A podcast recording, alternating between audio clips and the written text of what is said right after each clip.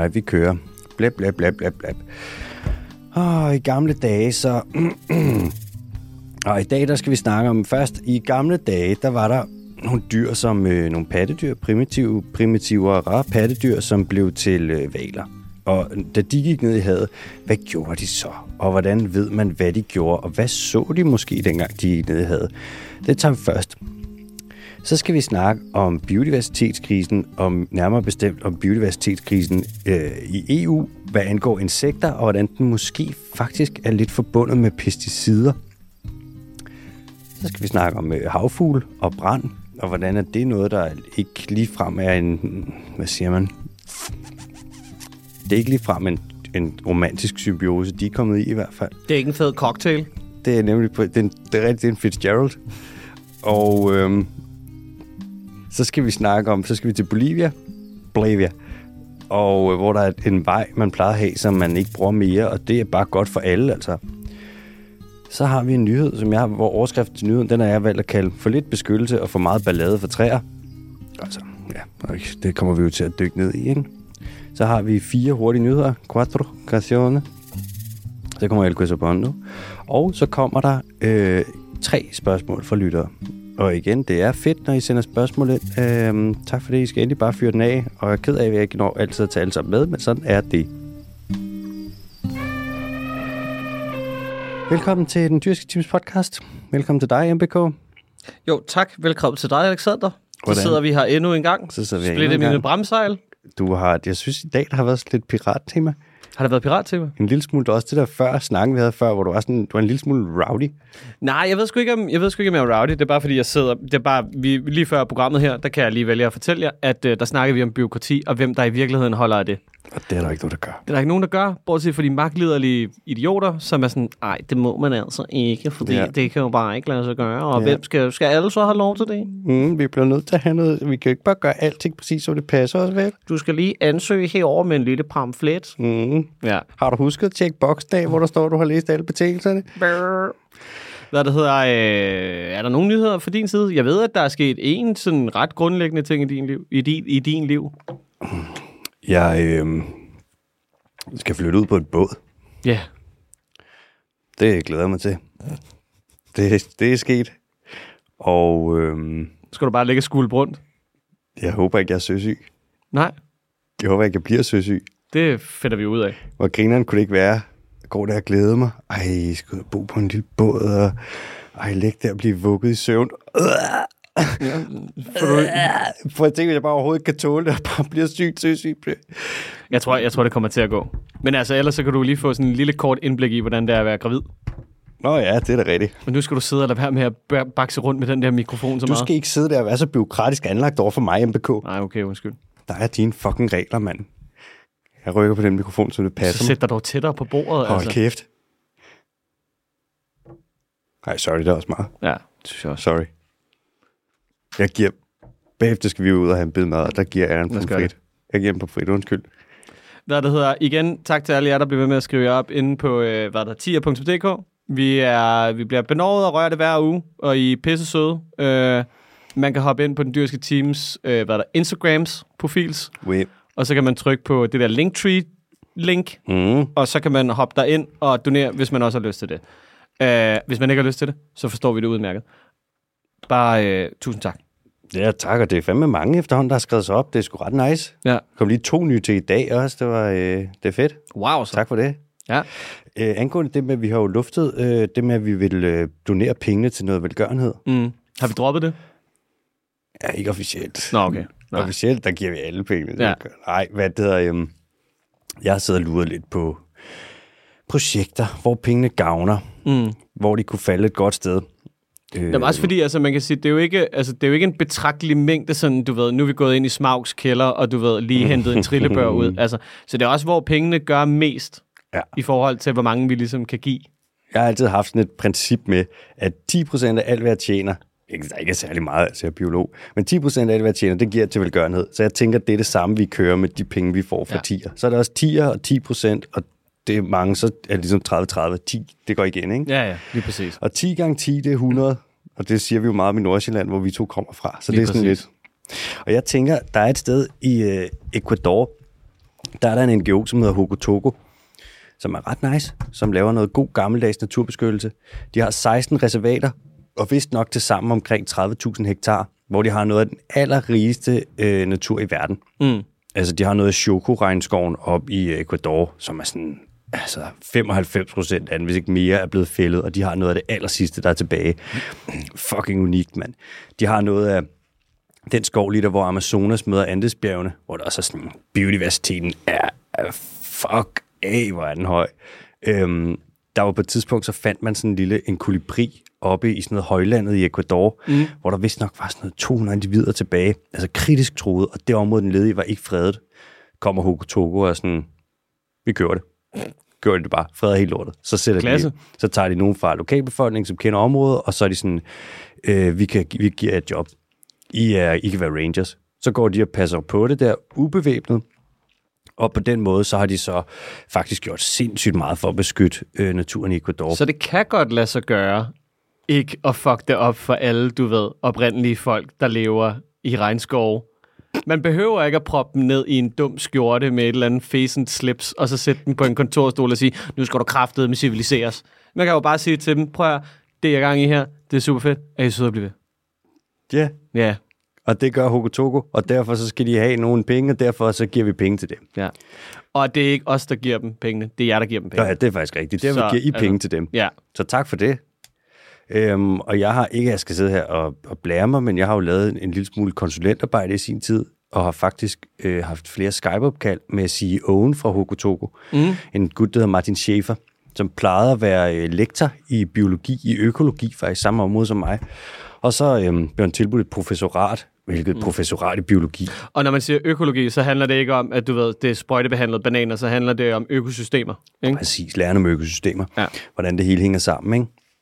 Og så sagde han nej til professoratet, og så øhm, fik han stillingen som CEO i Hokotogo. Og han er altså øh, straight up good, fucking cool. Han har styr på sit shit. Han er en anerkendt forsker. Det er alting med Hokotogo er, som det skal være. Så øh, ja, de skal have nogle fucking penge, mand. De får jeres penge. Ja. Tak fordi, at vi kan give jeres penge til nogle andre. Tak for jeres penge fra dem. Vi er bare mellemmændene. Vi er de messengers, der ikke skal skydes. Nå, skal vi til det? Ja, tak. Vi starter i dag med at snakke om nogle meget store dyr. Faktisk øh, de største af alle dyr overhovedet nogensinde. Nemlig Cevales. Kæmpe fisk. Det er en fisk. Dude. Det er nu 63. gang, at vi sidder her sammen, os to, og så sidder... Jeg spørger, skal du også til at spørge, om flagermus de lægger æg, eller hvad? Det gør de i hvert fald ikke. Det kan jeg godt fortælle dig. Hvad er der med de fucking valer, mand? De har været i havet i sådan noget mange, mange, mange millioner Mange år. Mange, mange, mange år. De gik i havet for sådan noget, pff, efter at den der kæmpe Nu metode. mener du med, at de gik i havet? Kommer de ikke fra havet? Det er jo så det, at først, så var der jo, så livet startede ligesom i havet, ikke? Ja. Og så var det der i nogle milliarder år. Og så på et tidspunkt var der nogle dyr fra havet, der gik op på land. Skulle lige op på sol. Skulle lige op og have noget sådan. Og så stille og roligt, så de her dyr, der gik op på land, de udviklede sig så til højre og venstre, og så blev de til ja, alt muligt forskelligt i første omgang, og så på et tidspunkt blev det forgrenet ud til det, vi kalder vivldyr, ikke? Mm. som så er først padder kom først, så kom krybdyr, og så kom øh, fugle, som jo... Nu mener jeg, at nu skulle du lade være med at sidde og pille så meget ved den der. Det sagde hun også i går. Ja. Hvad det hedder, øh, kryb, fugle er også krybdyr. Hvis man kigger på det, hvordan de ligesom er forgrenet. Også hvis du kigger på en høne, og du kigger på dens fødder, og så lad, prøv at lade være med at tænke på en dinosaur. Kan du ikke. Nej. Så, så kom der så de resterende øh, vivldyr, det vil sige øh, selvfølgelig pattedyrene, og fiskene også. Fiskene var der også, de var også tidlige, ikke? specielt øh, buskfiskene, altså hejrover. Fuck det. Jeg har valer. Ja. Hej, hej fiskevaler. Så hvad det hedder, øh, så kom der så det med, så livet starter i havet, der er nogle dyr, der går på land, udvikler sig, bla bla bla, bla pattedyr, alting, og så var der et hundelignende pattedyr, der for, øh, jeg tror det er omkring sådan noget 55 millioner år siden, var sådan, Du skal lige have pengene tilbage. "Ah, jeg tror lige, jeg skal ud og svømme lidt. Yep.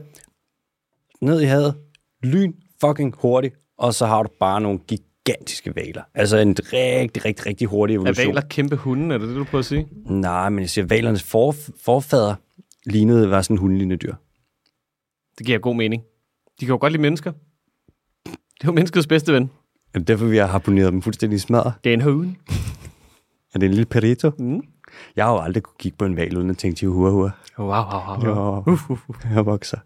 Hvad det hedder, øhm, Men er det så fordi, at, at, at, at de har en, en, en, en ryggrad, og de trækker vejret via ikke gælder, antigælder?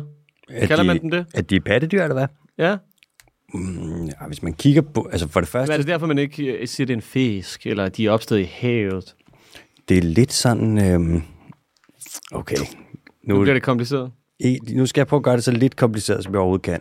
Der er nogle forskellige karakteristika for hver af de her dyregrupper. Mm. Sådan noget som for eksempel amfibier, altså padder, mm. trækker vejret igennem huden, og de undergår metamorfose, altså starter som haletusser, og så bliver de ligesom voksne. Nogle gange, der er også selvfølgelig undtagelser. Og krybdyr, hvor det er sådan noget, okay, de skifter ham, de har skæld, der er alle de her ting, ikke? Pattedyr er de eneste dyr, der har hår. Og pattedyr er så også karakteriseret ved vores patter. Det er dem, ved, at altså, alle pattedyr har mælkekirtler, og alle pattedyr med undtagelse af myrepindsvin og øhm, næbdyr føder levende unger. Okay. Men der er selvfølgelig også pattedyr, der så lægger æg. Altså Ja, ja, ja, monotremer, ja, der skal som så er, der, det er ligesom irregulære verber, ikke? Altså, det, det er tysk, det er tysk grammatik hele vejen igennem. Ja, ja. Men hvis man så kigger på, sådan, på forestil dig, så har man en fælles stamfar. Ligesom vi har en fælles stamfar med øhm, de højere primater, for eksempel. Så kan man gå tilbage, hvis vi går, hvad ved jeg, 10 millioner år tilbage, Mm. så er der en eller anden øh, simpel abe, som så vil udvikle sig. Ud fra den, der vil der udspringe forskellige arter. Så er det gorilla, orangutanger, også neandertaler, homo erectus osv., ikke? Og så vil man sige, okay, så kan man køre den endnu længere tilbage og være sådan, køre den helt tilbage til roden, hvor det første pattedyr ligesom opbrændt. Og så siger man, alt der er efter det, det er pattedyr. Mm. Og så gør du det samme med fisk, for eksempel, ikke? Fisk, for eksempel, ikke? og så, Fisk. Hold kæft. Og så er det på den måde, man så vil, så vil man også kigge på vores DNA og se sådan, mm. okay, der er patter i det der DNA, vi har, der taler om et pattedyr, Ja. ikke? Så det er derfor, at, sådan, at valer så ikke er fisk. Det er så på grund af det. Var det Fordi de, har, fordi det er patter. Blandt Fordi andet. de har kalve, der diger. Og fordi, at de har hår. Har de hår? Ja. I munden? Er det det, der er barterne? Barterne er så en slags øh, modificeret tænder, men valer Ah. har faktisk hår Hvorhen? på kroppen nogle steder. Der er nogle, altså delfiner har for eksempel ikke, så vidt jeg ved, men mange valer, når du er tæt på dem, kan du se, så har de en lille, en lille smule hår. Lidt ligesom, at du kigger på svin. du siger mange valer, når man er lidt tæt på dem. Som om, at du ved, det er bare alle og enhver, der bare lige går ud og kigger på valer lidt tæt på. Du, du har sgu da en computer lige der. Bare gå ind og søg på high resolution, det, close up, close up picture fucking whale. Skulle der ikke nogen, der søger på hair and whale? Altså, Nå, det kan jeg love dig for. nej, det er der altså. Det kan jeg love dig for. Nej. Nu skal jeg incognito, fordi jeg kan godt mærke, hvor det her det fører hen. Ah, det der, det ender på noget rigtig, noget, ri- en rigtig grim hjemmeside. Harry Whale. Harry Whale. Nej, du kører bare. Yes, vi skal ikke snakke om det her. Nå, nu kan man så tage... Så inde i vores øjne, der har vi et øh, protein, der hedder rhodopsin. Og rhodopsin, det, det opfører sig på en særlig måde, alt efter hvordan lyset falder på rhodopsinen. Så hvis man kan kigge på rhodopsin hos forskellige dyr, så kan man ud fra at se, hvordan rhodopsin opfører sig, så kan man se, hvordan at, så kan man estimere, hvor højt de nok vil ligge ned i vandsøjlen, fordi at der er noget med, om lyset det er meget blåt eller rødt, og jo længere du kommer ned, jo mere blåt bliver lyset. Anyways, bare tænk på, at der er et protein, vi har i øjet, og hvis man finder det protein hos et dyr, så har man en idé om, hvad for en dybde det nok vil svømme ned på. Så er det så det, at man har gjort nu, at du har taget rhodopsin fra en masse forskellige valer, og så har du kunne spore det tilbage af et stamtræ og finde ud af og lave et estimat på, hvordan rhodopsinen nok så ud for de allerførste, mest simple valer. Altså valerne i øh, gamle dage, fra da valernes forfædre begyndte at blive til valer. Og det, man kan se indtil videre, det er, at valerne allerede i gamle dage, de her øh, efterkommere af de her hundelignende dyr, de begyndte at dykke, at de dykkede allerede dengang ned på meget dybt vand. Det var simpelthen det var så, gik simpelthen hurtigt med, at det var sådan noget, pff, vi tager den der bare, vi kører der bare en Stig Severinsen plus, og tager den til dybere end 200. Lige holder vejret og dykker ekstra dybt. Vi går helt fucking ned. Nu vil man tage det her, det var jo nyheden. Det er bare, at man har taget, man kan simpelthen tage stamtræer og se sådan, okay, hvordan bevæger protein. Det er jo det med, igen, uden at det skal blive for teknisk, at proteiner er jo lavet af aminosyre. Så der er en kode for forskellige øh, proteiner. Og aminosyre, de er kodet af DNA. Så hvis du finder et protein, så kan du få en idé om, hvad for noget DNA, altså hvad for noget genetisk, genetisk materiale, der er ført til det her protein. Og omvendt, hvis du har noget DNA, så kan du finde ud af, hvad for et protein det fører til. Men det er mere sikkert at tage DNA og kode det til protein, end det er at tage protein og kode det til DNA.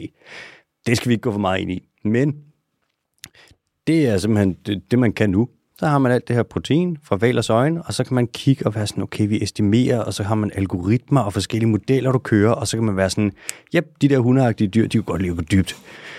Nu vil man prøve at ko- rekonstruere Dyb hunde, hund. dyb, dyb, dyb hund. Uh, jeg skal herned. Oh, shit, han går deep. Oh, Bondo, hvor blev du af? Så øhm, Han er væk. nu vil man prøve at lave det her øjeprotein, rhodopsin fra andre dyr også. Altså gravende pattedyr, nataktive pattedyr, flagermus. Og så vil man se, at man kan finde ud af, altså ved at kigge på proteiner i øjen, så vil man finde ud af, hvordan gravende adfærd og nataktivitet og flyveri, det har udviklet sig hos pattedyr. Er det ikke sindssygt, hvad man kan? Det er fucking vanvittigt. Så kan man bare kigge på et protein, og så bare følge det. Laboratoriearbejde, genetiske metoder, mm. proteinarbejde, du, Ja, ja. pipetter og fucking Der er der, der, er der, ikke, computer. der er der ikke noget som proteiner, der bare kan give mig en stiv pive og bare sluge sådan en nyhed. Jeg har altid sagt, det ved du, du har kendt mig mange år, jeg har altid sagt, hvis nogen har været sådan, oh, jeg er ikke helt sikker på, hvad, hvordan jeg skal løse den her opgave, så har jeg altid sagt, har du kigget på proteinet? Har du kigget på, har du studeret det protein? For helvede. Og hvis folk så, som de ofte siger, så siger de, hvad, hvad snakker du om? Så siger jeg, præcis, nu tror jeg nok lige, at du skal gå ind og lige læse lidt Ja. om rhodopsin. Pro- og, og tidlig, proteinnyt. ja, og tidlig valhund, din fucking kat, mand. Er du klar til den næste? Ja, det kan jeg lige fucking bande på, ja. så tager vi den. Øhm, jeg lægger super hårdt ud. Cool. Er du klar? Ja, Altså, jeg lægger... Vi, starter, altså, vi snakker fucking... Det er, fuld gas. ja, det vi snakker. Fuld gas, no breaks. En bil, der er gasset, gasset fuldstændig op, trukket håndbrems, Og he- helt Vin Diesel. er fuldstændig. Uh. Kører vi puha, der kommer til at lugte brændt gummi nu. Er du klar? Ja, tak. Vi har en biodiversitetskrise. Det er løgn. Ja, det er at sige. Boo! En biodiversitetskrise. Hold så kæft. Hold kæft, når vi snakker biodiversitetskrise. Boo this man! Det er serious business. Ja, okay, undskyld. En biodiversitetskrise, det er noget, man kalder det, når arterne uddør hurtigere end normalt. Altså arter uddør altid. Man har sådan det, man kalder en ekstinktionsrate, hvor det er sådan noget, nogle arter, de er bare ikke meant to be. Altså bare se sådan, dinosaurerne og alt det der lort, det uddød, ikke? Men nogle gange så uddør arterne meget, meget, meget, meget hurtigere end ellers. For eksempel når der er en meteor, der banker ind i planeten, eller når der er mennesker, som har brugt de sidste 100 år på at skide planeten op og ned ad ryggen.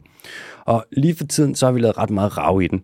Altså, vi har givet verdens dyre og plante- og svampeliv så videre. Nogle mm-hmm. mavepuster og nogle lammer og et par trælår og nogle hestebid og nogle olferter og nogle fucking sheriffstjerner, ikke? Der har virkelig været smæk på. Ja, tak.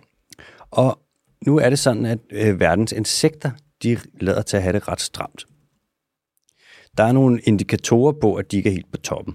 Der er den der helt, altså blandt andet så kan man se, at dagsommerfugle, de dagaktive sommerfugle i Danmark, de er gået ret meget tilbage. Man finder dem ikke så meget, som man plejede. Og det er jo nogle arter, som man lægger mere mærke til, end for eksempel øh, tordenfluer, eller yes, irefluer, skorpionfluer og alt sådan noget. Sommerfugle, dem ser vi alle sammen, ikke? De vil sgu gerne ses. Vi kender os alle sammen det med at køre om sommeren, og vi husker, da vi var små, der, altså bilruden, du skulle ikke køre mere end 10 meter, og sådan fuldstændig splattet ind i dødt insekt. Ja. Og nu, der kan du, altså jeg lå lige og, øh, jeg var en tur i Jørgen her forleden. Men det er jo fordi, bilerne er blevet meget mere aerodynamiske. Er det derfor? Ja, ja, så det er sådan, de flyver bare henover, og du ved, rundt om. Nå, så man har bare lavet naturbeskyttelsesbilruder. Ja, lige præcis. Nå. Det er meget lettere. Hvorfor får de så stadig stenslag? Det er fordi, at det har ikke noget med naturbeskyttelse at gøre. Nå, så de er ikke, lavet, det er ikke stenslagsbeskyttelsesruder. Nej, nej. Okay, shit. Ja. Hvorfor? Simpelthen, når du flyver som en pil igennem luften, så du ved, de, altså, de bevæger sig bare sådan her over og under og udenom. Er Det er også meget nemmere at navigere i for, for øh, hvad der er insekterne. Det er sgu da sindssygt smart, det vidste jeg slet ikke. Nej, Hvorfor reklamerer bilfirmaerne ikke med det? det er fordi, de har travlt med at greenwashe alle mulige andre steder. Hvad var det, du, hvad det ord, du sagde der? Ikke noget. Nå, det var godt. Det er noget, jeg har lært af, af, af hvad det hedder, af Maja Villersen. Greenwash? Ja. Hvad det ord betyder. Jeg ved heller ikke, hvad det betyder. Jeg bruger det bare. Jeg bryder mig ikke om klangen. Nej. Det lyder sådan lidt naturtalibansk. Ja. Du skal vaske din mund med sæbe senere, tror jeg. Ja, tak. Nå, men øh, hvad fanden, hvad sker der for, insekterne de forsvinder, mand? Hvor forsvinder de hen? Hvad er det, der sker? Og det er der noget, der hedder Investigate Europe, som er sådan et rapportfirma, whatever, mand, som har undersøgt. Og nu har de kigget på, hvad er det egentlig, der forårsager den her øh, insektdød, den her biodiversitetskrise for insekternes vedkommende i Europa. Øhm, og det, de har fundet ud af, det er faktisk, at hvis man har marker over det hele, og hvis man pisser dem fuldstændig til med pesticider, som er designet til at dræbe insekter, så er det ikke helt godt for insektbiodiversiteten. Nu er det sådan, at... Og pas på, nu er jeg blevet triggered. Tjek det, den det, det, det, er herovre, mand. egentlig, det er egentlig, det er jo utroligt, man først har fundet ud af det nu. Altså, det er først nu, man har fået resultatet hjem.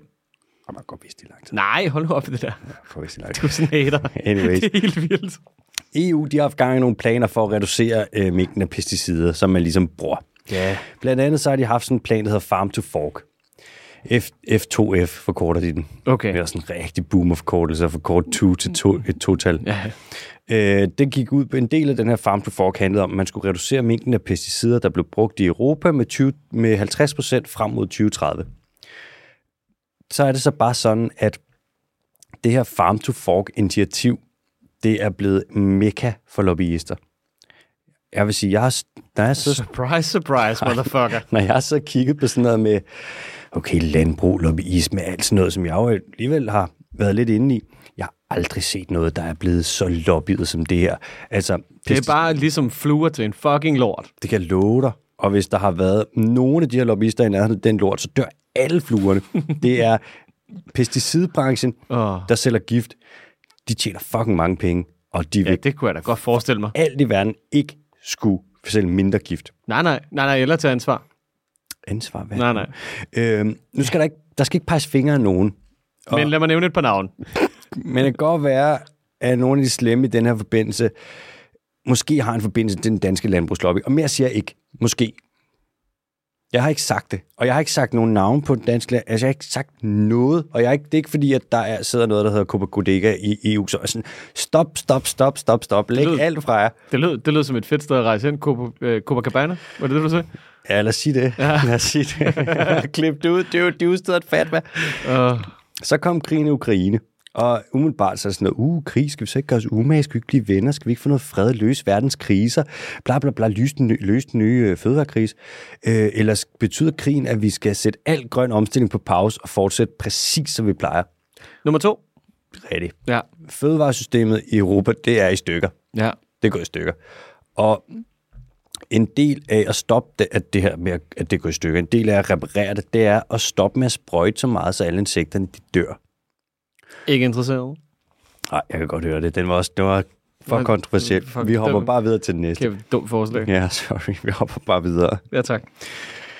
Tjek lige den her segway. Vi skal fra den ene brand til den anden. Uh. Så er du så 10 ud af 10. Altså, Kåre Kvist, han havde været stolt af dig. Skåret. Vi skal snakke om havfugle. Havfugle, det er øh, fugle, der på den ene eller den anden måde er tilpasset de marine øh, miljøer. Marin, det betyder hav. Det er også derfor, at marineblå, det er havblå. Altså, jeg er ikke ordblind. Og eller dum. Så Nå, jeg ved ikke, hvor du vil hen med det her. Den der akavede stillhed. Som om, at du ved, du er ved at blow my mind. fik du ikke blået dit bein lidt? Nej, ikke rigtigt. En lille smule. Nej. 1 procent. Nej. 0 procent blown. Ja. Dude. Jeg har smadret rigeligt i forvejen. Der er ikke noget at ødelægge. Åh, oh, det er dark. Nå, øh, havfugle er en øh, ret presset øh, gruppe fugle. De tæller omkring 350 arter. Der er ellers meget hav. Ja, 70 procent af landets overflade. Jordens overflade. Whatever. ja. Jeg laver min egen ord. Jamen, det kan jeg da høre, du gør, men der er, det er sådan, hvis vi kigger på havet, Må jeg spørge om noget, ikke? Ja. Når man siger havfugl, ikke? det er jo ikke rigtig havfugl. Det er mere kystfugl, er det ikke? Der er, jo ikke rigtig, er, der, der er jo ikke rigtig fugle, der lever sådan midt ude. Jo. Er der det? ja, det er nemlig det, der er skillet. Altså, måger for eksempel, det er ikke havfugle. Altså en havmåge er jo en kystfugl. Ja, men altså, måger lever også, de er ikke som sådan så afhængige af det marine miljø. Det ville de jo være, men jeg tror ikke, man kategoriserer dem som havfugle. Jeg er ikke 100% sikker. Nå, okay. Havfugle er for eksempel sådan noget som øh, albatrosser og pingviner, hvor at albatrosser, nogle albatrosser flyver ud, og så er de på havet i et halvt år, ikke? hvor de ikke, altså de er kun sådan noget, Og det er hardcore. ja, og det er sådan noget, hvad fanden er de der albatros? Nej, ikke, øh, åh, hvad er de hedder, de der store Fiskehajer. Fiskehajer er klart en havfugl, havfugl. ligesom en gråsbo. Øh, hvis vi kigger på havfuglene, så er 50 procent af alle arterne cirka, de er tilbagegang. Og en stor del af dem er også kritisk troet. Og Der er mange trusler mod dem. Nu siger du sådan, havet er jo stort, hvorfor har de det så ikke fint? Det er på grund af overfiskeri. Det er fordi, de bliver fanget som bifangst. Men der er mange af de der, når man smider liner ud med kroge hele vejen ned, der skal fange whatever, som bliver høvlet efter en eller anden båd. Så sidder der mading på, og der er jo nogle havfugle, der vil dykke ned. Og sådan en havfugl, der bliver fanget på en krog under vandet, den er fucked. Den kan 0% trække vejret. 0% Invasive arter. Mange havfugle, de skal jo lægge æg et sted. Og det vil så typisk være på øer forskellige steder, ikke? Eller i, på kysten. Og mange øer, hvor der så lige kommer en lille båd hen og lige lægger til hurtigt. Så er der lidt ro- rotter, der hopper ind, eller mm. et par mus. Og det nemmeste at spise i hele verden, det er bare en havfugl, der sidder i sin rede, fordi sådan, de er ikke vant til, at der er nogle fjender, så de sidder bare stille og bliver et. Ikke? Klimaforandring er også ret lort, kommer vi også ind på øh, i den her nyhed. Og så selvfølgelig jagt på havfugle. Og en mave fuld af plastik. Jamen, øh, og plastikforurening, det er også, det er mm. også rigtigt. Det er også noget lort. Der var en fugl, hvad fanden var det, den hed? Uh, det kan jeg ikke huske, men sådan en, den lignede lidt en pingvin, som levede heroppe tæt ved øh, Arktis, som vi mm. fik udryddet for, øh, ja, inden for sådan, i nyere tid, ikke? Det var sgu da heldigt. Ja, fanden var det, den hed? Det kan jeg ikke huske, men sådan en, hvor du sådan, fandtes den? Sådan noget. Ja, ja, ja, vi spiste alt sammen. Skål. Perfekt. Ja.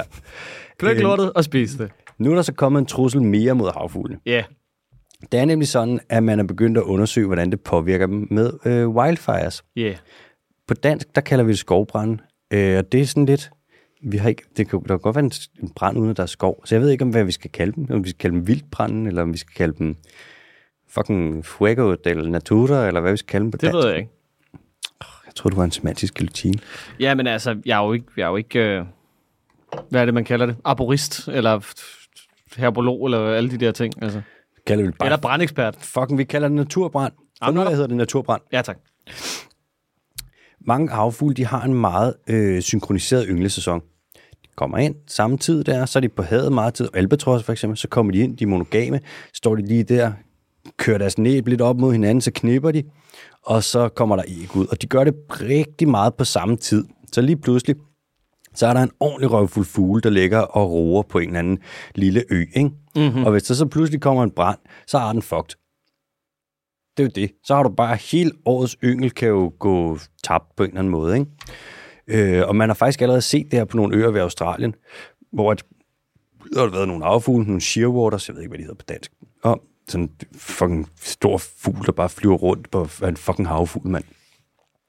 Og så øh, lige pludselig, så kommer der brand, så kan du bare se sådan, okay, nu ligner det her et månelandskab, og der, hvor der skulle være unger, der lå i rederne, der er der bare fucking ikke noget, fordi hele lortet bare er futtet af. Og det er jo noget, der er kommet her i forbindelse med global opvarmning. Alt det der, så bliver det varmere, og så bliver vegetationen tørre, og når der så pludselig kommer et lynnedslag, så er det altså ikke bare et lynnedslag, der giver noget knitter og et lys, så er det et lynnedslag, der også skaber en brand, og så er det bare fucked. Ja. Så nu er det en øh, altså, havfugle presset gruppe dyr. Halvdelen af dem er allerede i tilbagegang. Ikke? Nu får de en trussel mere imod sig. Og det er også lidt svært at løse det her problem, fordi man, altså klimakrisen, jeg begynder sådan, at det begynder at gå lidt op for mig, at den ikke er helt nem og simpel øh, at løse. Og vi kan ikke stoppe lynet Der er ikke noget pletskud for OBH, som lige, altså sådan lige umiddelbart, du ved, med tilbyder sig på... Øh, Nej, man er sådan lidt, åh, hvad skal vi gøre? Og jeg tænker sådan, så skulle det bare være, hvad vi ikke skal gøre. Jeg har Ja, en ja. lang liste af ting, hvor sådan, stop med det der, så har vi ikke noget problem. Men jeg tror ikke, det kommer Ej, jeg ved ikke, om det ikke er noget problem, men det er, sådan, det er en lang liste af ting. Næsten så lang, så man tænker, det er sgu også, det er også for meget. Ja, ej, vi skal også lov at hygge os. Ja, Vi skal også hygge os. skal også hygge os. Nu prøver man at lave præventiv brænde, hvor du går ind, og så når der ikke bliver, at det ikke er i ynglesæson, Så futter du lige tingene af. hui, og så er der ligesom ikke så meget, der kan brænde, og timing den er dårlig. Ikke? Det lyder æderrømme dumt. Det er det faktisk ikke så ikke. Jeg tror ikke, det er super dumt. Jeg tror, det siger, det siger mere bare sådan, at vi er lidt desperate, at vi sådan, Nej, men det, men det er det, jeg mener. Altså, du ved, det er, øh, det er lidt en synkende skude på en eller anden måde, hvor man så tænker, du ved, hvis jeg når at bank ham inden, at der er en anden, der banker ham, så får han ikke dobbeltbank, eller, du, eller så får han trippelbank, eller et eller andet, ikke? Altså, det er lidt, at vi prøver at bekæmpe ild med ild. ja, ja. Altså, det, det, jamen, det er virkelig at bekæmpe ildmild. Jamen, det er det jo. Det er jo fucking åndssvagt. Det er ligesom, når vi skal Du opstiller, du opstiller, du ved, bare et scenarie, hvor at naturen, den har det så skiden, at vi er nødt til at banke den i grunden, for at den så ikke gør det naturligt, du ved, tre måneder efter. det er ligesom, når vi skal lave øh, sådan en bæredygtig grøn omstilling af dansk landbrug, og så inviterer vi landbrugslov ind, så de kan komme ind og rådgive. Ja, ja, lige sådan, præcis. Så okay, altså, jeg kan forstå, at jeg har forsaget et problem, som I nu også er... Jeg synes også, det er sindssygt, at man kan få lov til at lobby altså sådan, i, du ved, processen, at nu skal vi finde ud af, hvad vi skal gøre. Altså, jeg kan måske godt forstå bagefter, at der er et forhandlingsarbejde. Mm. Men mens vi finder ud af, hvad vi skal gøre for, at du ved lave om på tingene, så skal næsægerne jo ikke sidde med ved bordet. Nej, altså lobbyister i det hele taget er bare... Ach, igen, nu skal vi ikke snakke dårligt om nogen, men det Ej, er jeg skal heller lidt... ikke blive politisk, altså. Nej, men det der med at komme ind med en agenda, der er sådan, ja, det kan godt være, ting er fuck, men vi fortsætter bare præcis, præcis som vi plejer. Ja, sådan rigtig, du ved... Præcis som vi plejer. Profitmaksimering, altså. Hvis ikke vi gør det, så gør Kina det bare. Ja, ja, ja. Lækage. Er der også ildlækage et eller andet sted? Er der stater, hvor man tænker, du ved, nu må vi hellere lige brænde af, fordi Arizona, de har ikke styr på en fucking skid. Det skulle lige passe, mand. Lyt med næste uge, når vi snakker ildlækage. Lækage del fuego. Uh. Nå, vi skal til Bolivia. Ja, tak. Vi skal til dødsvejen i Bolivia. Dødsvejen. Death Road. I Bolivia, der hedder hovedstaden La Paz. Det betyder freden. En gang så var der kun én vej, der gik fra La Paz og nordpå, fordi der var en masse skov og bjerge og alt sådan noget lort. Og den vej, der gik der, det var så den her Death Road, og den var rigtig lort. Er det den, der er med i Top Gear? Det kan sgu godt være. Der, hvor det sådan, den, er, den er cirka lige så bred som en meget lille Skoda, og så kører de bare hvad, busser og lastbiler igennem den, og den er ensporet, og det hele det lort. Det lyder som den. Den er super skiden, super usikker, super meget op i bjerge. Der er på den her vej, da den blev brugt, så var der 300 mennesker, der døde på den her vej om året. Altså, vi snakker vildt næsten en person om, om dagen, ikke? Det er helt vildt. Det er sådan, at veje, de jo, det har vi været inde på mange gange, men veje, de er røv for skov. Altså, man rydder jo skov for at lave veje, og omkring vejene, der tør skoven ud. Der er større chance for, at der er skovbrand. Ikke bare naturbrand, men skovbrand, for der er skov. Og det åbner op, når du laver en vej, så der åbner op for, at man kan komme ind og lave skovfældning og minedrift og så videre og så videre, og bore efter olie og alt det der. Og veje er lort for dyreliv. Altså, de fragmenterer jo områder. Tag et pindsvin i Danmark og prøv at sende det fra Slesvig-Holsten til Skagen, og den når at dø 150.000 gange. Øh, dyr bliver kørt over på veje, og støj fra bilerne, de forstyrrer dyr. Mange dyr, såsom for eksempel frøer og fugle særligt, de kommunikerer enormt meget med lyd. Og hvis der så hele tiden kører biler rundt, og der er folk, der råber, fordi de kører, falder ned af dødsvejen i, i Bolivia der, så forstyrrer det. Og så er det pludselig en anden øh, åndssvag papagøje, der sidder der og piper et eller andet lort, så lige pludselig så bliver det forvrænget af en eller anden gut, der falder ned af bjerget og dør. Det er ikke så godt for dyrelivet, vel? Forvrænget? Altså, sådan, så kommer den ind og forstyrrer, og så kan den ikke finde en mage, når den bare sidder helt pænt og pipper. Kan du komme her? Sådan sidder der tæt på den, den eneste ene, og sådan lige kommet med et lille skrab. Scrapped! Og så er der en, der har været sådan, åh, oh, joder, mierda, no pasa. Ayúdame. Og så hørte den ikke, øh, så hørte den perfekte mate ikke, at den sad der og scraps, og så fløj den, og så lige pludselig, no encontramos. Det er noget pisse no podemos hacer niños. Oh, mierda. Adios, Pablo. Nå, nu var det sådan, at for nogle år siden, så øh, lavede man en vej, der ikke var lige så lort som dødsvejen, og så kunne folk bruge den her vej til at komme nord for La Paz, og efter de gjorde det, så er der begyndt at ske noget. For det første er der stoppet med at være så mange folk, der dør, for man bruger ikke dødsvejen mere. For det andet, så er den her dødsvej altså blevet lidt af et wildlife sanctuary. Der er kommet en masse liv tilbage til den her dødsvej. Øh, det har man fundet ud af ved, eller det er der nogle nørder, der har fundet ud af, som har været ude og sætte en masse vildkameraer op. Sådan nogle kameraer, der bliver aktiveret, når der er bevægelse foran den. Så i stedet for, at man skal sidde og kigge på endeløse optagelser, så kan lave du bare sådan nogle optagelser, hvor du kun, det er kun, når der er noget, der bevæger sig foran kameraet, så ser du så det. Og det er sådan, at dyrelivet blomstrer nu på den her dødsvej. Der er dværgtierkatte, og der er brillebjørne, og der er tinamurer, og der er en Tina Mur. Tinamur, det er en af strussen og emuens tætteste slægtninge. Tina Muren. Tinamur er sådan en lille fj- fj- fjollet lille Det fugl. lyder som en person, der arbejder i sådan en rigtig mellemlederstilling. Ja, jeg hedder Tinamur. Tina Muren. Tinamur. Ja, så kommer Der er- Tina Muren. tror også, Vi der er, er- lægger en dæmper på stemningen. Hvad med Antpita? Antpita? En pizza. Antpita? Pizza. Nej, den fungerer ikke. An. Jo, an. Mm, An pizza. i lige måde. Ja, skal bare lige lægge et andet tryk. Oui. Antpita. Nå. Der er alle mulige dyr, man gerne vil have. Og der er ikke så mange dyr, der bliver kørt over længere, fordi at du, kan ikke blive, du bliver ikke kørt over, hvis der ikke er noget, der kører over dig. YOLO. Så øhm, nu er det simpelthen blevet til, det plejer at være en dødsvej, og nu er det blevet til et wildlife sanctuary. Jeg har set øh, nogle billeder fra det nu, ikke? Mm. hvor folk de kører rundt på cykler som en flok idioter. På den der dødsvej. Ja. Det På- ser fuldstændig vanvittigt ud. Mountainbikes eller Ja, ja, ja, Hvad, hvad har du søgt Ja. på? Jeg søgte bare på Death Road, Bolivia. Og så er der bare folk, der cykler rundt, øh, hvad det hedder, på, på den. Og du ved, og så der er billeder af tog og alt muligt. Og det er sgu 0% deroppe at cykle på cykel. Hvad hvis jeg sagde nu sådan, MBK, vi har en øh, lytter her, en filantrop, som vil Det er nej tak. Alright. Vi hopper til næste nyhed. Den handler om øh, træer. Du kender dem nok godt. Det er nogle meget store planter. Og man kan roligt sige om øh, træer som gruppe, at det er en keystone-gruppe. Altså en keystone-gruppe, det betyder, at de er meget vigtige. Nu er det sådan, at man har analyseret lidt mere end 46.000 forskellige træarter, med henblik på at finde ud af, hvor godt de egentlig er beskyttet. Øh, og det ser ikke så godt ud. 13 procent af de her analyserede arter er overhovedet ikke beskyttet overhovedet. Og hvis man kigger på alle 46.000 arter, så er det kun omkring halvdelen af hver arts udbredelsesområde, som den er beskyttet i. Det vil sige, tag hvilken som helst træart, og så er der ret stor chance for, at den kun er beskyttet i halvdelen af dens øh, udbredelsesområde. Og nu kører jeg altså bare med nogle tal. Hvad så? Du sidder og rynker på brynene. Hvad sker der? Du har ikke været inde og søge på noget grisfald? Ikke mens vi er live.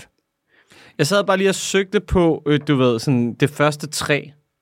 Og så anslår man, at det første træ, det poppede simpelthen frem for 360 millioner år siden. Ikke? Det er alligevel en rumtid. Det er ikke særlig lang tid, når man tænker over, du ved, sådan alting i det store hele. Mm. 360.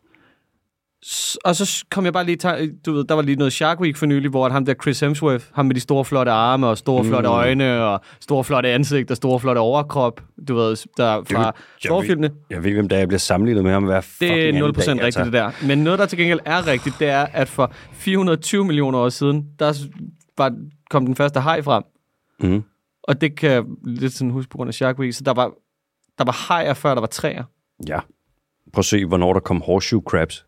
Det var 600 millioner år siden. Det virker fuldstændig, det virker fuldstændig fjollet. Men hajer er jo le- Super gamle. levende fossiler, altså de jo, har været der i psykopat lang tid. Fossils of horseshoe crabs have been dated at uh, 445 years old. 445. Ja, million years. Ah, tror, du, der mangler nogle tal der. Det lyder forkert. Det er ikke det, sådan jeg husker det. Nå, okay. Nå, vi kører videre med træerne her. Men det er da fuldstændig vanvittigt. Ja, de er så gamle. Men det er bare, at træer, det virker som sådan en ting, der burde have været der fra start. Du ved, sådan let der be light, og du mm. ved, så stod der et træ allerede. Men jeg tror, at træer var ikke de første planter. Der var jo, det er jo, træer, det er jo, er det dækfrede planter? Der var også noget som mos, som var der tidligere, og sådan noget bregner, som var der endnu tidligere. Ja, ja. Øhm, så Jamen også fordi vi snakker om det der med, at sådan, organisk materiale, som især træer, er nok sværere at blive bevaret som knogler og fossiler, end alle mulige andre ting. Jeg tror faktisk, at træ, hvis det, nej, det er nok rigtigt, det decomposer jo sindssygt godt, altså. Ja. Men det er bare, jeg tænker, du ved, hvis der er sådan en du ved, verdensomspændende katastrofe, som for eksempel meteorerne og sådan noget, så træerne er nok de første, der bare skrider og bare forsvinder, tænker jeg. De brænder ret godt. Ja. Rimelig Det har meget. vi jo set, når der er naturbrand. Skovbrand, så er det jo det, når der er træer. træer. Skøbrand. Nå, Nå, det var ikke det, vi kom fra. af de her 46.000 øh, træer, som man så kigger på, de her 46.000 træarter, det er 15 procent af alle de arter, de er under hårdt tryk for mennesker. Altså, vi overudnytter dem. Lidt, det er sådan en træ, træ-ekvivalent til at være overfisket. Øh, 68 procent af dem er under moderat tryk. Det vil sige, at vi skal ikke, vi skal ikke øh, presse dem mere, og vi skal nok presse dem lidt mindre. Det er kun 17 procent af alle verdens træarter, som ikke er under pres fra mennesker. Det er jo rimelig fucked up, når man tænker på, hvor vigtige træer de er. Ikke? Så stor en del af dem er så under pres, altså to tredjedel. Altså, det er fucked up, men jeg er ikke overrasket. Det er jeg egentlig heller ikke. Og så også, det er sådan en lille del af dem, der er beskyttet. Man kan tilgå det her på forskellige måder. Der er jo et problem. Altså, der er jo mange træer, der så er... Og vi har valgt den, hvor vi ikke prøver at løse det. Ja, vi har valgt den her nu, hvor sådan... Det er naturbeskyttelse, så ja. der, vi, har, vi har ikke så mange ressourcer. Vi skal gøre rigtig meget med meget lidt. Mm. Mm. Ja. Og vi har ikke Lars Lykke med til Nej. at fortælle, hvordan vi kan få meget mindre til at være meget mere, mere, Nej. mere, meget mere. Øhm, det man kan gøre, det er, hvis, man, hvis vi beskytter 17 procent af jordens overflade på en strategisk smart måde, ikke? Mm. så kan vi sikre, at, at træarterne er beskyttet i 66 procent af deres udbredelsesområde, i stedet for kun halvdelen. Okay. Det er sådan noget, man kan finde ud af, og holde nu fast ved at lave noget, der hedder en komplementær analyse. Ja. Hvis for eksempel, at vi skulle beskytte Og det er ikke en komparativ analyse, ligesom den, man laver på gymnasiet, hvor man siger, den her og den her. Ah, Hvad ah. giver du? Ah, ah. Den her, det er sådan en, hvor du kigger på den første gang, og så er du sådan, kæ.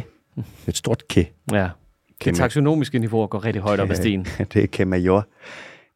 Altså, man kan lave noget, hvor man ikke bare tager og beskytter de områder, og vælger nogle områder ud og siger, okay, vi har, lad os sige, 15 områder, det er her, der er flest arter.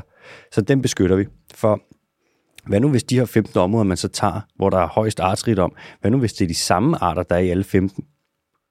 Så er der jo alle de andre arter, som så ikke er beskyttet. Så man siger, hvor mange forskellige arter kan man for eksempel beskytte med 15 områder. Og er det muligt at beskytte hver enkelt art for eksempel tre gange, sådan som man ikke ender op med en enkelt population, så gør man sådan nogle ting, hvor du laver de her analyser, og så prøver man at beskytte på den strategisk smarteste måde, og så laver du et paper, altså en videnskabelig artikel, som så kommer ud i for eksempel øh, Ecological Research, et eller andet, eller i Nature, eller i Science, og så, eller Conservation, fucking et eller andet, og så bliver det så øh, ignoreret af regeringerne, så, der ikke, så det ikke bliver brugt til noget. Er det ikke også bedst sådan? Jo, det er nok fint. Der er vel nogle økonomiske interesser, man lige skal tage, varetage først, ikke? Der er faktisk kun økonomiske interesser, som skal varetages. Ja, tak. Der var vi. For natur er penge, og det er ikke særlig meget værd. Nej. Nå, jeg er klar med de hurtige, når du er klar. Jeg har været klar hele dagen. Jeg har bare været så klar til de hurtige. Woo! Har du været sådan, okay, jamen så kommer det jo bare nu, hvis du har været så pisse klar, mand. Kom så. Man har fundet på et nyt system til at undgå kollisioner med kaskelotter, mellem kaskelotter og både i Middelhavet. Det er sådan, at når kaskelotter de kommer med deres klik, de laver ekolokalisering, så kommer der først et klik, og så kommer der lidt efter et klik mere, når deres klik bliver reflekteret op på øh, overfladen af havet, eller det er jo så undersiden af overfladen. Mm-hmm. Og så kan du se, sådan, okay, det første klik, hvor lang tid tager det fra det kommer til det næste klik kommer, og så ud fra det, der kan du regne ud, hvor dybt er de. Og hvis du så måler på det, så kan du måle sådan, hver gang de klikker, hvis de så kommer højere og højere op, så ved man, okay, de er på vej mod overfladen, og så ved man cirka, hvor de er, og så kan man sende en advarsel ud til skibene, der siger, pas lige på, der er et fucking kæmpe dyr på vej, lige over mod dit skrov, mand. Uh-oh. Det er meget nice, det eksperimenterer man nu med i Middelhavet, og det ser ud til at virke rimelig godt. Øh, næste hurtige nyhed. Albatrosser er fucked. Tristan Albatrossen nede på Gouge Island, nede i, øh, det ligger et eller andet sted i et eller andet fucking hav, mand. Jeg tror, det er Atlanterhavet. Den er helt slidt. Der kom engang nogle sælfanger derover, og så kom de med en båd, og så er de mus med, og de her mus, de kommer så ind, og så æder de alle nødderne og alle planterne, og så bliver de skide sultne, og så til sidst, der begynder de simpelthen bare at spise af albatrosserne. Og sådan en albatros unge, der sidder der, før den flyver fra redden, bliver den lige så stor som forældrene, det vil sige lidt over en meter høj, med et vingefang på 3,1 eller andet meter. Og så kommer musene simpelthen bare over og begynder at æde den. Og det, der er ikke nogen dyr, der kan tåle at blive spist, så øh, det har ikke været så godt for dem, og de er virkelig gået meget tilbage, de her albatrosser. Man har prøvet at udrydde musene ved at flyve rundt med helikopter og smide musegift ud, men det har desværre ikke virket. Så ja, den er altså ikke helt god. Og vi skal til Pennsylvania over i USA, hvor man har fundet en ny fuglehybrid, som er mellem et slags fugl, der hedder en kernebider, og en fugl, der hedder en tanager, eller en tanager, en tanager. Ach, jeg ved det ikke. Det her, det er to fugle, som sidste gang de delte en fælles stamfar, det var for 8 millioner år siden. Og i øh, almindelig dagligdagssprog, der betyder det, at de er faktisk ikke særlig nært beslægtet. De er omtrent lige så nært beslægtet som en tiger og en løve. Og det er ikke normalt, at dyr, der er så, hvad siger man, fjernt beslægtet, at de lige pludselig får, øh, får unger sammen. Det er en hybrid, hvor man sådan, okay, den havde vi ikke lige set komme. Så det er lidt et nyt fund. Der er nogle ornitologer der, der er blevet slået helt bag om i stolen af den der. Det er da bare helt sikkert. Og sidste hurtige nyhed. Man har fundet ud af, eller har, man tror faktisk nu, at æderkopper, de drømmer. Man kan se, at æderkopper, når de sover, så, øh, og de sover, alle dyr sover, så twitcher de, ligesom hunde og katte, der ligger der og laver, har en eller anden drøm, hvor de ligger og sparker. Det gør æderkopper også. Der var der en, en, en dame, der fandt ud af, hvis nok en tysk kvinde, tysk forsker, øh, i 2020, og så tog hun dem ind i lab, og så kunne, hun, kunne man måle på deres øh, øjne, hvordan de bevægede sig, når de sov. Og det ser faktisk ud som om, at æderkopper også undergår en form for REM-søvn, altså det her rapid eye movement, hvor øjnene flakker rundt. Og så kunne man oven i købet tage babyæderkopper, hvor tit før deres øh, sådan skjold, deres ydre hudlag, det hærder, så er de faktisk gennemsigtige, så du kigger lige ind i krydderbollen på dem. Så kan man også kigge der, og nu må man være at undersøge deres hjerner, og hvad sker der, når æderkopper sover. Og det lyder til, at de drømmer, og faktisk også måske kan have mareridt. Det er fucking sindssygt. Mm-hmm. Tror du, uh, hvad der har sådan en flok æderkopper der, når, når de får et mareridt, så drømmer om mennesker? Garanteret. Næsten med garanti. Hvad så? Skal vi, uh, skal vi til en lille quiz? Det er lov for, vi skal. Jeg glæder mig. Hvad det hedder, uh, den er svær den her uge. Åh, oh, oh. Den er rigtig svær. Ej. Ja. Uh, som sædvanligt, en, uh, en, en stykke uh, fun fact til at starte med, så kan det være, du kan gætte det, hvis at, uh, du ved noget meget specifikt om det her dyr. Mm. Efterfulgt af fem ledetråde. Er du klar? Fyr den af. Jeg er den sidste levende art i min familie og orden, og jeg er cirka på størrelse med en stor hund, hvis selv samme hund er på størrelse med et fuldvoksen menneske. Sidste levende både i orden og familie og på størrelse med et menneske. Ja. Jeg ved, jeg ved godt, det er en, det er en skruebold. Sidste i orden. Ja. Det, i, og det, jeg, og det står på Wikipedia den her gang. ja, okay. Øh, Og jeg gider ikke høre noget med, du ved, sidst det der med myrerne, hvor du blev pissesur og ej. sorry, Er det en herrebil? Er det en bedbil? Er det en Okay, bed, er nu myre? laver jeg lige lynhurtigt. Øh, Okay. Nu laver jeg lige bup, bup, bup, bup, bup, noget øh, udlåelsesmetode her. Blip, blup, blip. Blip, blip, blip, blip. Det er ikke en fugl. Det er ikke en padde. Og det er ikke et krybdyr. Det er et, et, en slags... Oh, kan det være et pattedyr? Det er sit orden, er der et pattedyr, der er så isoleret der på en eller anden måde. Er det en, øh, et jordsvin?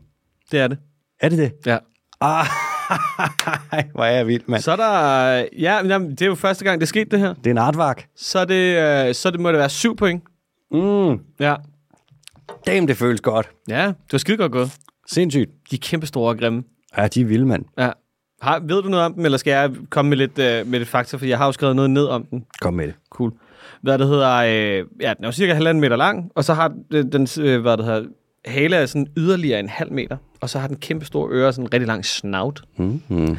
Det ligner faktisk lidt, det ligner faktisk lidt, at man har parret en wallaby med en, med en helt almindelig gris, på en eller anden måde. Faktisk. Det er Altså, løgn. Fordi den har også de der store ben. Den Mhm. mm-hmm. har sådan nogle store ben med sådan nogle små latterlige hænder ude foran. Og den er god til at grave.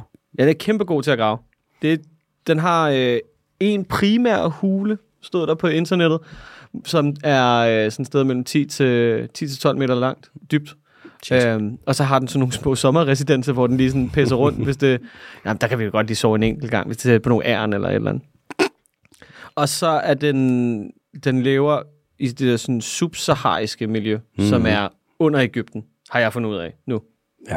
Det, du tager Ægypten, og så er det ikke det, og bare nedad. Så er der bare en vinkel på ved Ægypten. Hak. Og så skulle den til synligheden have verdens bedste lugtesans. Verdens bedste lugtesans. Altså verdens allerbedste. er det rigtigt? Det er noget, jeg kan ikke rigtig finde ud af, hvad det hedder på dansk, men det er noget med, at den har sådan nogle konkylieformede luftindtag op i næsen. Det mm. har den 10 af, eller sådan noget. Mm. Og man troede, øh, der er mange, der tror, det er hunden, der har den bedste lugtesans, men den har kun sådan noget 4 til 5. Mm. Så det har noget at gøre med over... Så konkylierne, mængden af konkylier op i næsen eller sådan noget, bestemmer, hvor meget overflade der er til at analysere. Og så har den et hjernecenter åbenbart, som også er tilknyttet. Det er fucking mærkeligt, altså. Okay, shit, det lyder som om, den har en vanvittig lugtesans, den der. Ja, ja Sindssygt. den, den kan se med lugte. Altså, det er Wow. fuldstændig daredevil. Den kan bare lukke øjnene. Ja, Det lyder for vanvittigt. ja. Det er, en, det, det er et virkelig, virkelig underligt dyr. Så jordsvin, artvak, godt gået, Alexander. Tak, Det mand. er første gang. Jeg er lidt ked af, at vi faktisk ikke har sådan en øh, sådan konfettirør eller et eller Ja, andet. også det er mig. første gang, det sker. Kan være, vi skulle have nogle bobler? Jeg skal ikke ud og have bobler, det ved du også godt. Okay. Kan være, jeg skulle have nogle bobler? Ja, tak. Nå, jamen så hopper vi videre oven på den der kæmpe store succes der. Der hopper vi videre til... Øhm, og hvis der er nogen, der skriver ind nu og siger, jeg gættede det også i første forsøg, eller jeg gættede det hurtigere end AO. Nej. Nej. Det var bare det. Spørgsmål fra lytterne. Det første spørgsmål, det er fra øh, Tobias, og det tænker jeg faktisk, at du øh, svarer på, Bono. Nå, Fordi det, øh, ja, det er, er det noget, hvor man skal hisse op, så er det jo mig. det er det faktisk ikke, men det er noget, som jeg ved, at du øh, efterhånden har lige så meget på ryggraden, som jeg har. Jeg prøver. Der står, hej, hej Bondo og Alex. Hej, Jon. Hej, hej Tobias. Hej Tobias. Kan I måske tale om pros, cons for zoologiske haver? Jeg har det altid dårligt ved at se vilde i gåsøjne, dyr være spærret inde, men der er også en masse forskning bag kulisserne, tænker jeg. Vil gerne høre om Suse forsvarlige hjerte. Kongen podcast i øvrigt. Mm. Tak for spørgsmålet, Tobias. Tænk uh, ja. Bondo. Det har vi snakket om. Det har vi snakket meget om. Mm. Jeg ved ikke, om jeg kan huske det hele. Men som udgangspunkt, det er ikke alle zoologiske haver, man sådan kan stå inden for. Mm. Vi har en meget høj standard i Danmark og Europa. Mm. Men som udgangspunkt, så kan man godt. Mm. Det med forskning, det er han fuldstændig ret i. Og så sker der noget konserveringsarbejde, hvor at, hvad er det, der er en er det løve, løveaben, eller sådan noget, eller en gyldne abe i København. Gyldne løveabe, ja. Gyldne Ja, ja, ja. løveabe. Øh, der har Københavns Zoo nærmest sådan egenhændigt stået for, at den ikke blev udryddet. Mm. Øh, rigtig mange af de indtægter, der kommer ind i zoologisk have, går også direkte til naturbeskyttelse. Så altså, hvis man skal kode det ned til, om den enkelte, den, altså sådan, den enkelte løve det enkelte løveindivid har det fedt, eller om det er en lille smule deprimeret, så tror jeg lynhurtigt godt, man kan komme frem til, at alle zoologiske haver i hele verden bare skal lukkes. Altså, så kan du tage et eller andet sted ned til, du ved, et, et pæshul ned i standerlandene, eller et eller andet, og så bare se dem for tæsk, øh, hvad der har dagen lang, og ikke få nok at spise. Og så kan du lynhurtigt argumentere for, at det hele det skal lukkes. Men som udgangspunkt, så er det en, det er en ret god, det er en ret god byttehandel. Plus, at det var også en af de ting, vi har snakket om med hensyn til, hvad der hedder børn og dyr. Når man ser de der tragiske YouTube-videoer, hvor, at de skal, hvor der er børn i England, der skal navngive altså et dyr, og de kalder det broccoli, og de ikke ved, hvad forskellen er på et, øh, hvad der, altså et stykke Hvad- kyllingebryst og et, du ved, en duploklods og sådan noget, ikke? Altså, det kan simpelthen ikke være rigtigt. Så tag dem med ind i zoologisk have og giv dem et godt forhold til dyrene. Altså, El fucking bondo. hvis man holder af det, så har man også lyst til at passe på det. Og jeg vil, altså, det var et godt svar. Og så vil jeg sige i øvrigt, lyt til, vi har lavet et podcast afsnit med Bengt Holst. Ja. Og øh, ja, han, hvis du tog det away der, og han tager det også away. Mm. Men ja, det er rigtigt. Altså. Og så kan man sige, at Bengt han har den der kæmpe store fordel, som er, at han rent faktisk ved, hvad han snakker om. Gal, mand. Han er, der er ikke nogen, der ved mere om det i Danmark, hvis I overhovedet i hele verden, faktisk. Alright. Nå, vi tager næste spørgsmål. Tak til Tobias. Ja, tak til Tobias. Håber, du har svar på dit spørgsmål. Vi tager næste spørgsmål. Det er fra Malle, vores gode veninde. Hun skriver, Hej Alex og Bondo. Hvordan kan man se forskel på vandmænd og brandmænd? Hej med alle. KH. Øh, det kan man simpelthen på farven. Det er jo ikke løgn. Brandmænd, de er meget, meget, meget mere røde. Ja. Og man kan se deres, øh, hvad fanden, deres fangerarm hænger ned. Og du kan også bare prøve at røre dem. Du kan godt røre en brandmand på oversiden, der bliver du ikke brændt. Men hvis du rører den indenunder, så har den noget, der hedder nælleceller. Sådan nogle små særlige celler, som skyder faktisk noget, der ligner en harpun ind igennem huden på dig. Mens, med sådan en streng, hvor der kommer øh, gift med ind. Det er en meget sofistikeret celle på en meget simpel organisme. Det er et underligt mix, hvor man er sådan, polyptio, what is up? Og Men brandmænd... de er jo ret tændt på, øh, er de ikke ret kendt for sådan nogle gobler at være nogle fucking skiderikker, hvis man kommer til at røre ved dem? Og mange gobler kan fucked op. Der er nogle af dem, der er faktisk, altså, hvor du kan blive slået ihjel. Var der ikke den der portugisiske havmand, eller hvad er det, du kalder den? Portugisisk øh, overlovsmand, men det er ikke en gobbel. That's not a gobble. Nej, det er noget, der hedder en... Åh, jeg tror, man kalder det en rørgobbel. Det er i virkeligheden en kolonial organisme.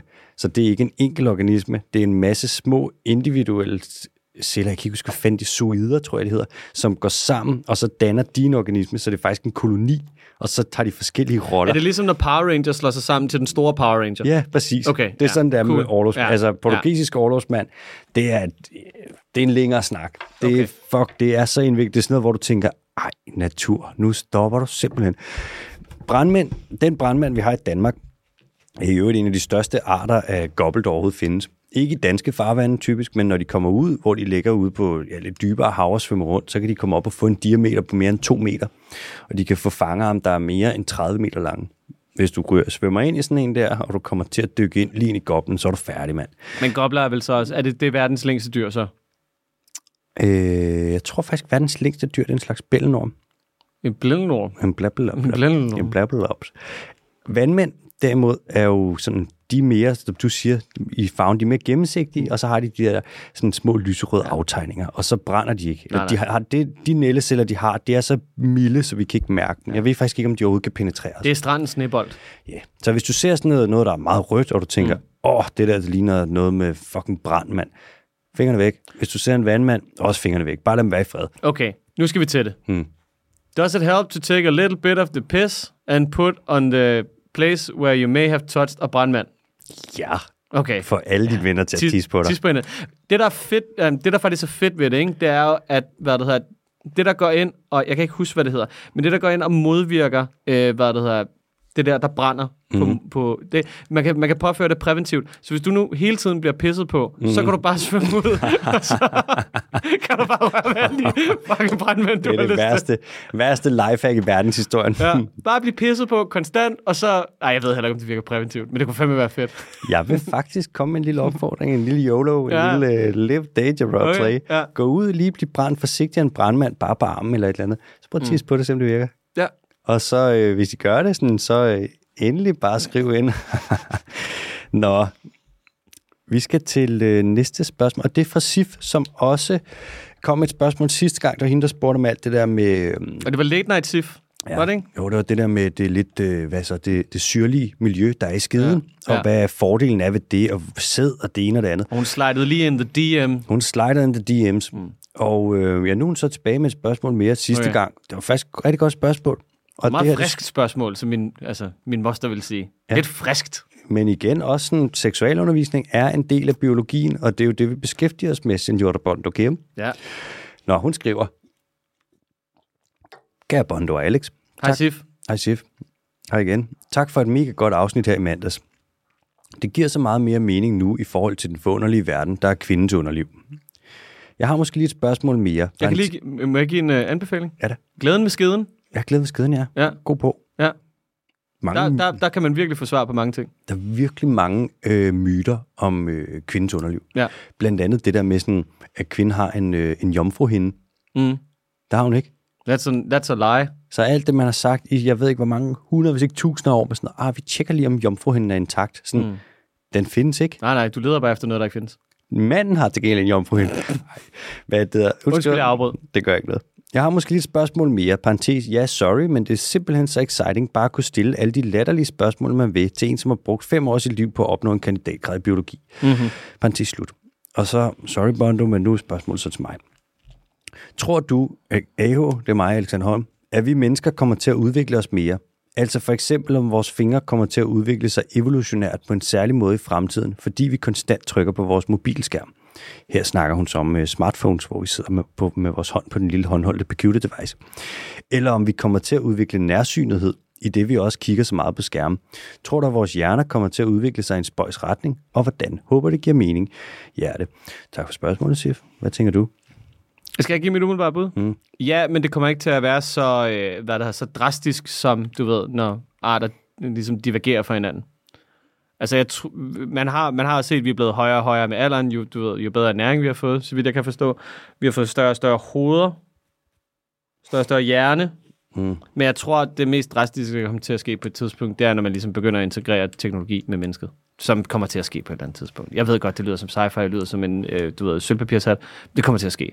Elon, han kommer til at lægge et eller andet net hen over din hjerne, så han kan scanne alt, hvad du har nogensinde har tænkt over, og hvad du kommer til at tænke over, og alle eventualiteter. Og så øh, bytter du det for øh, en rigtig fed app. Og det er det. Vi er der jo allerede lidt med cyborgism. Bare se på altså, høreapparater og vores smartphones, som vi konstant har nærmest som en forlængelse af vores Skæring af arm- proteser, og, altså... Ja. Men for lige at komme ind på sådan rent evolutionært, om vi kommer til at udvikle... Altså, det er jo sådan med evolutionen fungerer, det er jo survival of the fittest, ikke? Mm. Det er en giraf med den højeste hals, kan nå de højeste blade, og så parer den sig med dem, der også overlever, og så får giraffer bare længere og længere halse på den måde, ikke? Hvor man kan sige med mennesker, der, så er spørgsmålet, hvad for nogle mennesker formerer sig egentlig mest? Fordi vi kan jo ikke kigge og sige sådan, er det intelligente mennesker, der får flest børn? Faktisk nok ikke. Er det sådan ikke uintelligente mennesker, men folk, der sådan har en, hvad siger man, mere gennemsnitlig IQ, som har flest børn, eller folk, der har en lav IQ. Er det det, der skal gøre det op? Er det folk, der er høje, folk, der er fede, folk, der er syge, folk, der er rige, folk, der er fattige? Der er så mange forskellige variabler, og jeg ved ikke, om der er nogen af dem, der hvis man deler folk op på den måde, ud for nogle forskellige variabler, om der så er nogen af dem, der bestemmer, at der faktisk kommer flere børn i spil.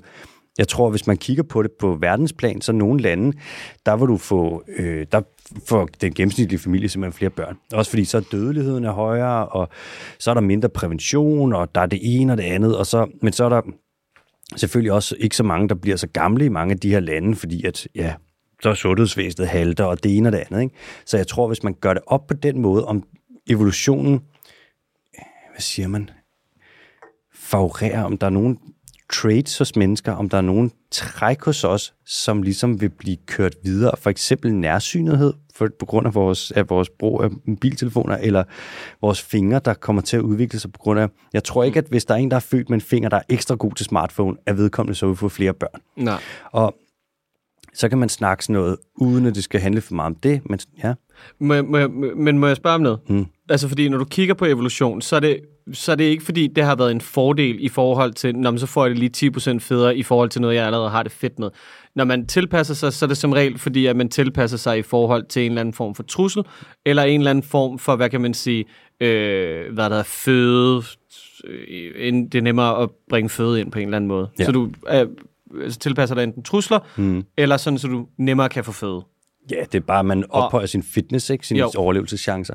Og, altså, jeg, jeg, jeg ser bare de to som sådan ret elementære sådan byggesten for, hvordan evolutionen lidt finder et roadmap for, hvor den skal bevæge sig hen. Absolut.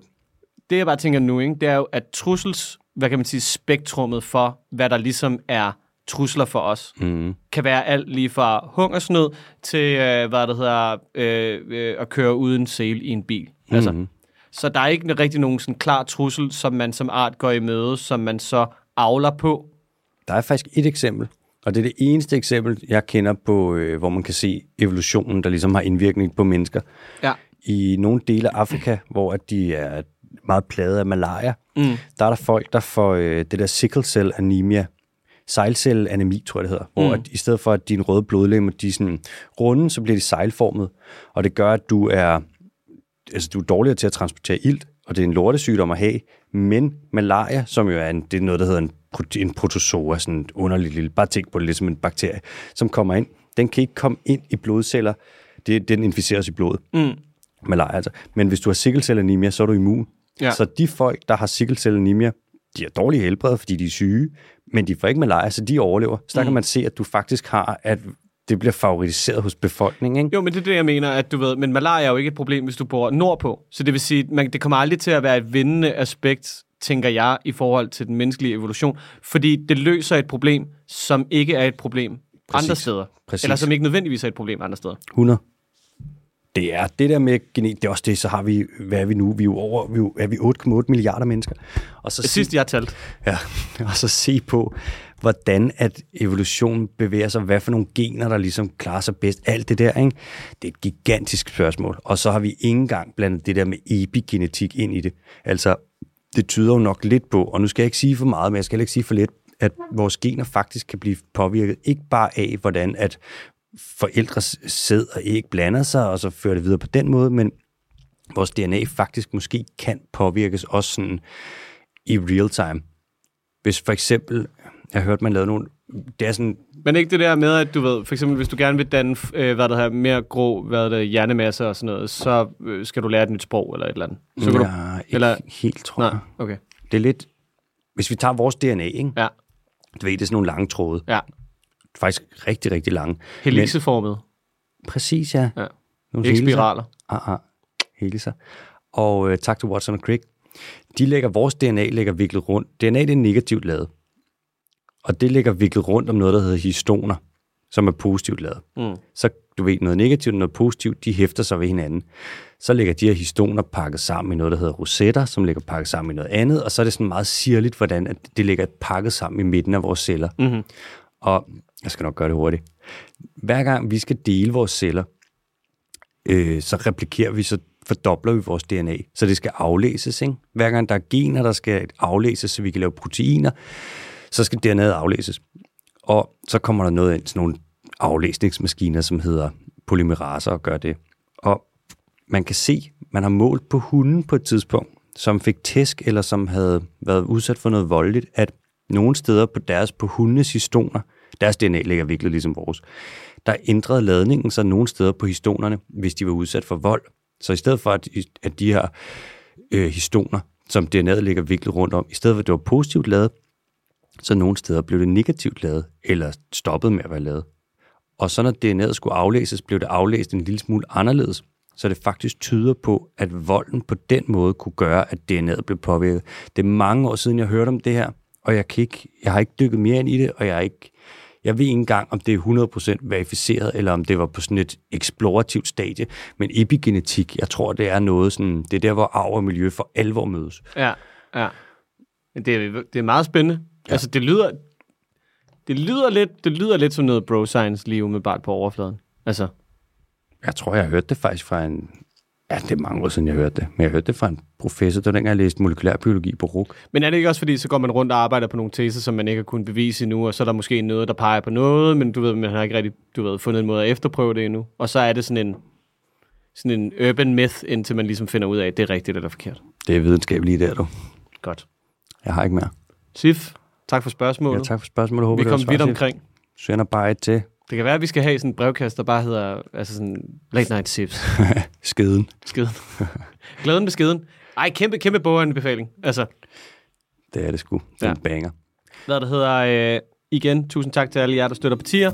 I skal være mere end velkomne til at gå ind på den dyrske teams Instagram og trykke på Linktree, som er sådan en lille link-data-portal på en eller anden måde. Der kan man finde YouTube-kanalen, mm. man kan finde den dyrske TikTok, mm. man kan finde, øh, hvad der hedder, Facebook-siden, men man kan også finde et lille link til tier.dk, hvor man kan gå ind og smide en lille mønt, hvis man har lyst til det. Very gracious. Tak for i dag. Adios.